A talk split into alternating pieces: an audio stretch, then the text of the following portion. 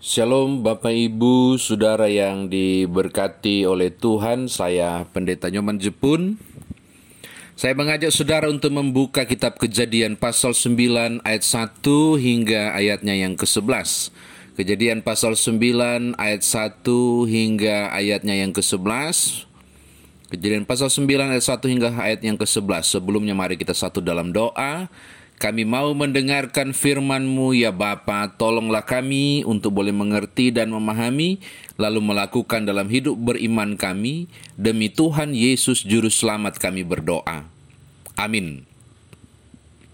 Kejadian pasal 9 ayat 1 hingga 11 berbunyi demikian. Lalu Allah memberkati Nuh dan anak-anaknya serta berfirman kepada mereka. Beranak cuculah dan bertambah banyaklah serta penuhilah bumi. Akan takut dan akan gentar kepadamu segala binatang di bumi dan segala burung di udara, segala yang bergerak di muka bumi dan segala ikan di laut, ke dalam tanganmu lah semuanya itu diserahkan. Segala yang bergerak, yang hidup akan menjadi makananmu Aku telah memberikan semuanya itu kepadamu, seperti juga tumbuh-tumbuhan hijau. Hanya daging yang masih ada nyawanya, yakni darahnya, janganlah kamu makan. Tetapi mengenai darah kamu, yakni nyawa kamu, aku akan menuntut balasnya dari segala binatang. Aku akan menuntutnya, dan dari setiap manusia aku akan menuntut nyawa sesama manusia. Siapa yang menumpahkan darah manusia, darahnya akan ditumpahkan oleh manusia. Sebab Allah membuat manusia itu menurut gambarnya sendiri. Dan kamu beranak cuculah dan bertambah banyak, sehingga tak terbilang jumlahmu di atas bumi. Ya, bertambah banyaklah di atasnya.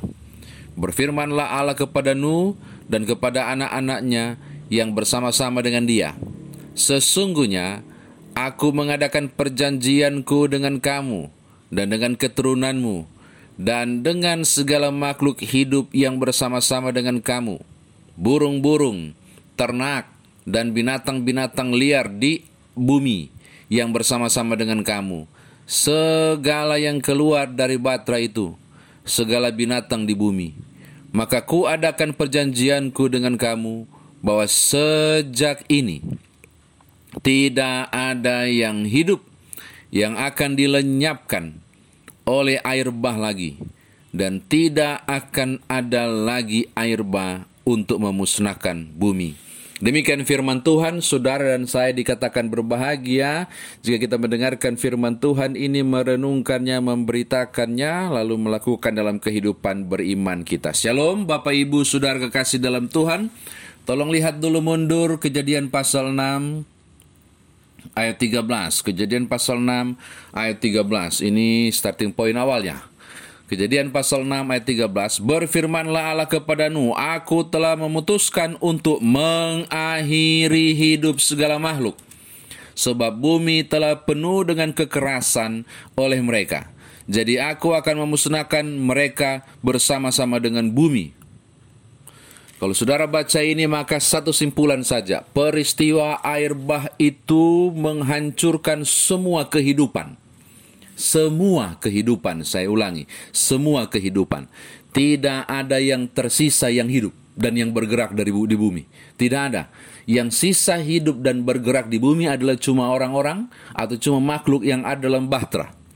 Di luar bahtera hancur total. Hmm. Di luar Batra tidak ada yang tersisa.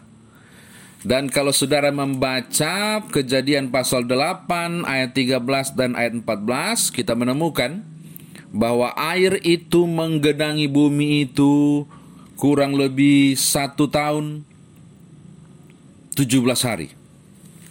Jadi saudara bisa bayangkan satu tahun 17 hari hari bumi tergenang dengan air. Tidak ada yang kering. Itu satu tahun 17 hari. Silakan bayangkan dampak kerusakannya secara uh, biologi, secara ilmu zoologi, terjadi perubahan uh, bentuk bumi dan itu banyak dampaknya. Jadi yang saya mau katakan sekalian berantakan dan hancur total. Oke. Okay? Lalu Alkitab berkata, kandaslah dia di Ararat dan kemudian turun dan selesai. Tolong ingat baik-baik masalah yang sedang dihadapi Nuh. Tidak ada yang hidup. Tolong ingat baik-baik masalah yang dihadapi Nuh. Tidak ada kehidupan yang lain. Dan semuanya tidak tahu bagaimana lagi nasibnya. Tidak ada. Apa ya apa yang mau dibuat, apa yang dilakukan itu blank. Kalau saudara menjadi Nuh, saudara harus berpikir tentang semua berantakan total. Lalu ini menarik. Yang paling pertama Tuhan buat di pasal 9 ayat 1 mengatakan hal yang penting ini. Lalu Allah memberkati Nuh dan anak-anaknya.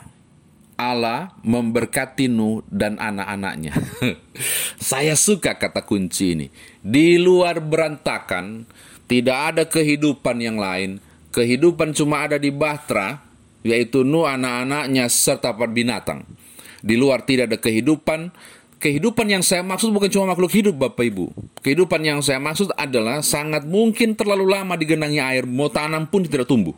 Benih pun sulit tumbuh. Sulit. Sulit tumbuh.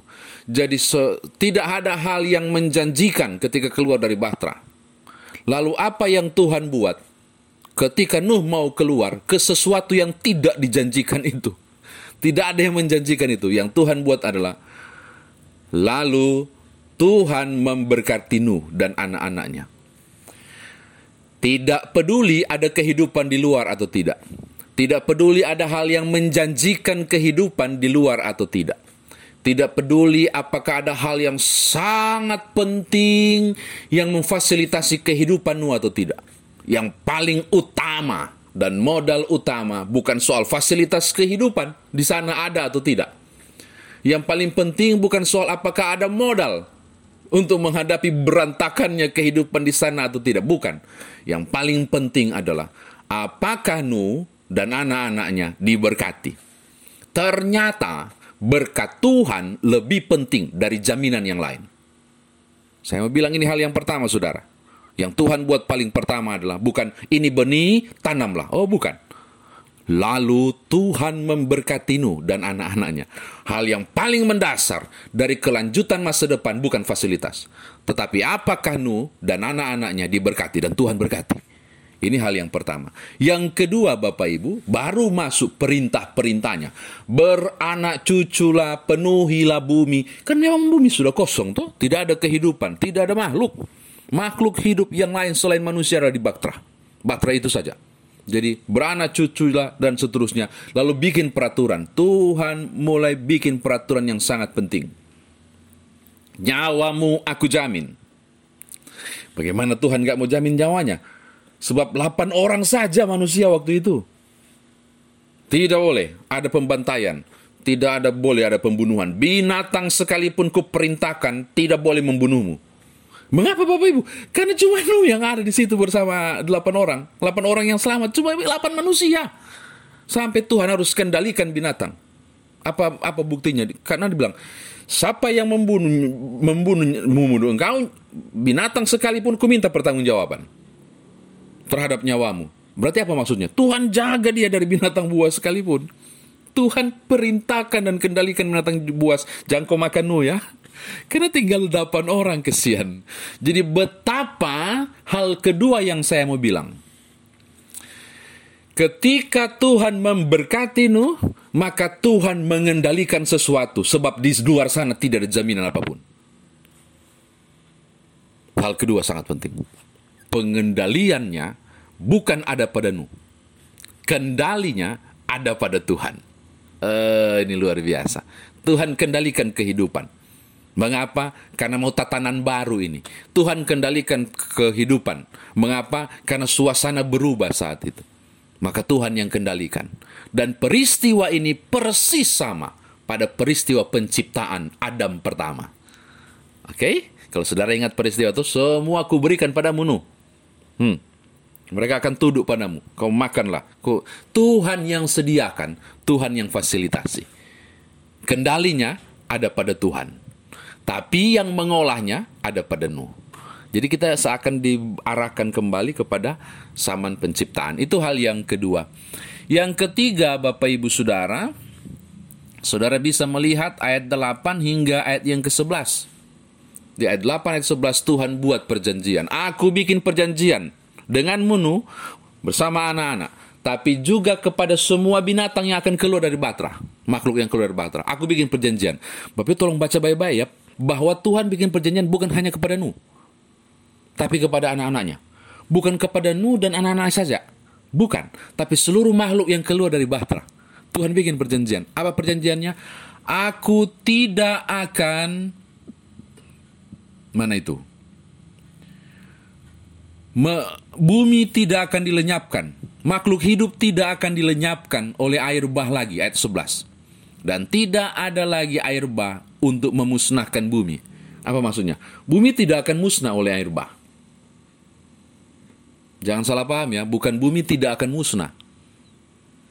Bumi tidak akan musnah dengan air bah. Makanya saya sangat percaya, di end of the world sekalipun tidak ada pemusnahan lewat air. Tidak ada. Yang ada ada api, apa? Kalau saudara baca di Wahyu, api dan belerang. bumi tetap musnah. Bumi kelak akan musnah. Tuhan akan musnahkan. Bumi baru akan datang. Bumi lama akan dimusnahkan. Tapi bukan oleh air bah. Jadi kalau ada pengkhotbah bilang, sejak itu maka Tuhan berjanji bumi tidak akan musnah, salah. Yang ada bumi tidak akan dimusnahkan oleh air bah. Oleh air. Tapi oleh api di kitab Wahyu. Dan benar Bapak Ibu. Perjalanan luar biasa terjadi. Setiap kali saudara melihat pelangi, saudara harus ingat perjanjian itu. Bahwa Allah pernah sangat murka. Bapak Ibu tolong lihat ya, kalau saudara lihat busur, busur, aku akan menempatkan busurku sebagai perjanjian, itu bukan cuma tanda bahwa Allah tidak menghukum. Ingat juga Tuhan pernah marah. Maka tiap kali engkau melihat busur Allah di pelangi itu, saudara harus ingat dua hal. Yang pertama, Tuhan tidak akan memusnahkan bumi lagi dengan air bah. Tapi jangan juga lupa, Tuhan pernah marah besar kepada bumi ini. Tuhan pernah marah besar pada bumi ini. Tapi juga dia kemudian mengasihinya melalui Nuh dan anak-anaknya. Saya kira demikian firman Tuhan ditafsirkan bagi kita. Nah sekarang bagaimana kita bawa dalam kehidupan beriman kita? 2021. Kita tidak tahu apa jaminan apa pun di kondisi COVID-19 ini. Kita tidak tahu. Tapi saya mau katakan, tidak peduli ada jaminan apa pun di perjalanan 2021 di ujung jalan tersembunyi sebab kita tidak tahu apa yang terjadi. Saya mau katakan hal yang sangat penting yang pertama. Yang paling penting adalah apakah aku dan seisi rumahku diberkati oleh Tuhan sebagaimana Nuh dan anak-anaknya diberkati. Maka hal pertama saya bilang begini kepada Bapak Ibu, jaminan perjalanan hidup 2021 di new normal ini Cuma satu.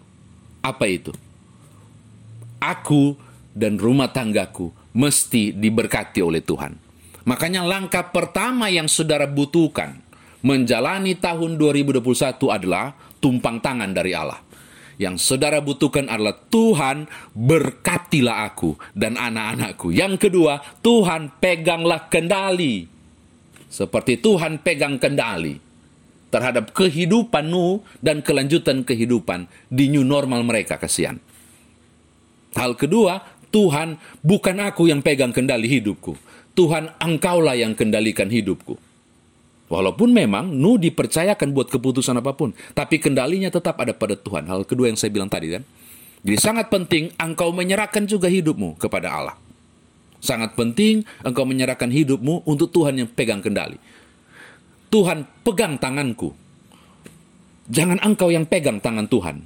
Sebab kalau engkau pegang tangan Tuhan, mau-mau engkau, mau-mau gue, mau ke mana Tuhan, itu suka-suka saya. Itu kalau engkau yang pegang tangan Tuhan. Tapi kalau Tuhan yang pegang kendali, berarti Tuhan yang pegang tanganmu. Tuhanlah yang tuntun, Tuhanlah yang arahkan, Tuhanlah yang lindungi. Hal kedua sangat penting. Selain diberkati, engkau butuh Tuhan yang pegang kendali dalam kehidupan saudara dan saya. Terakhir yang ketiga, ingat baik-baik kalau didengung-dengungkan Tuhan Maha Kasih, Tuhan Maha Penyayang, Tuhan Maha Mengampuni, Tuhan Maha Mengasihi, Tuhan Juru Selamatku, saya mau ingatkan saudara ada satu hal penting. Tuhan juga pernah marah dan murka sangat besar sampai memusnahkan bumi. Makhluk-makhluk di bumi. Peristiwa Nuh. Ingat baik-baik. Itu juga sangat penting. Supaya jangan pernah coba bikin salah. Ingat baik-baik. Tuhan pernah marah loh. Dan jangan sampai marah itu terjadi lagi. Selamat menjalani tahun 2021. Tuhan menolong saudara. Haleluya. Amin.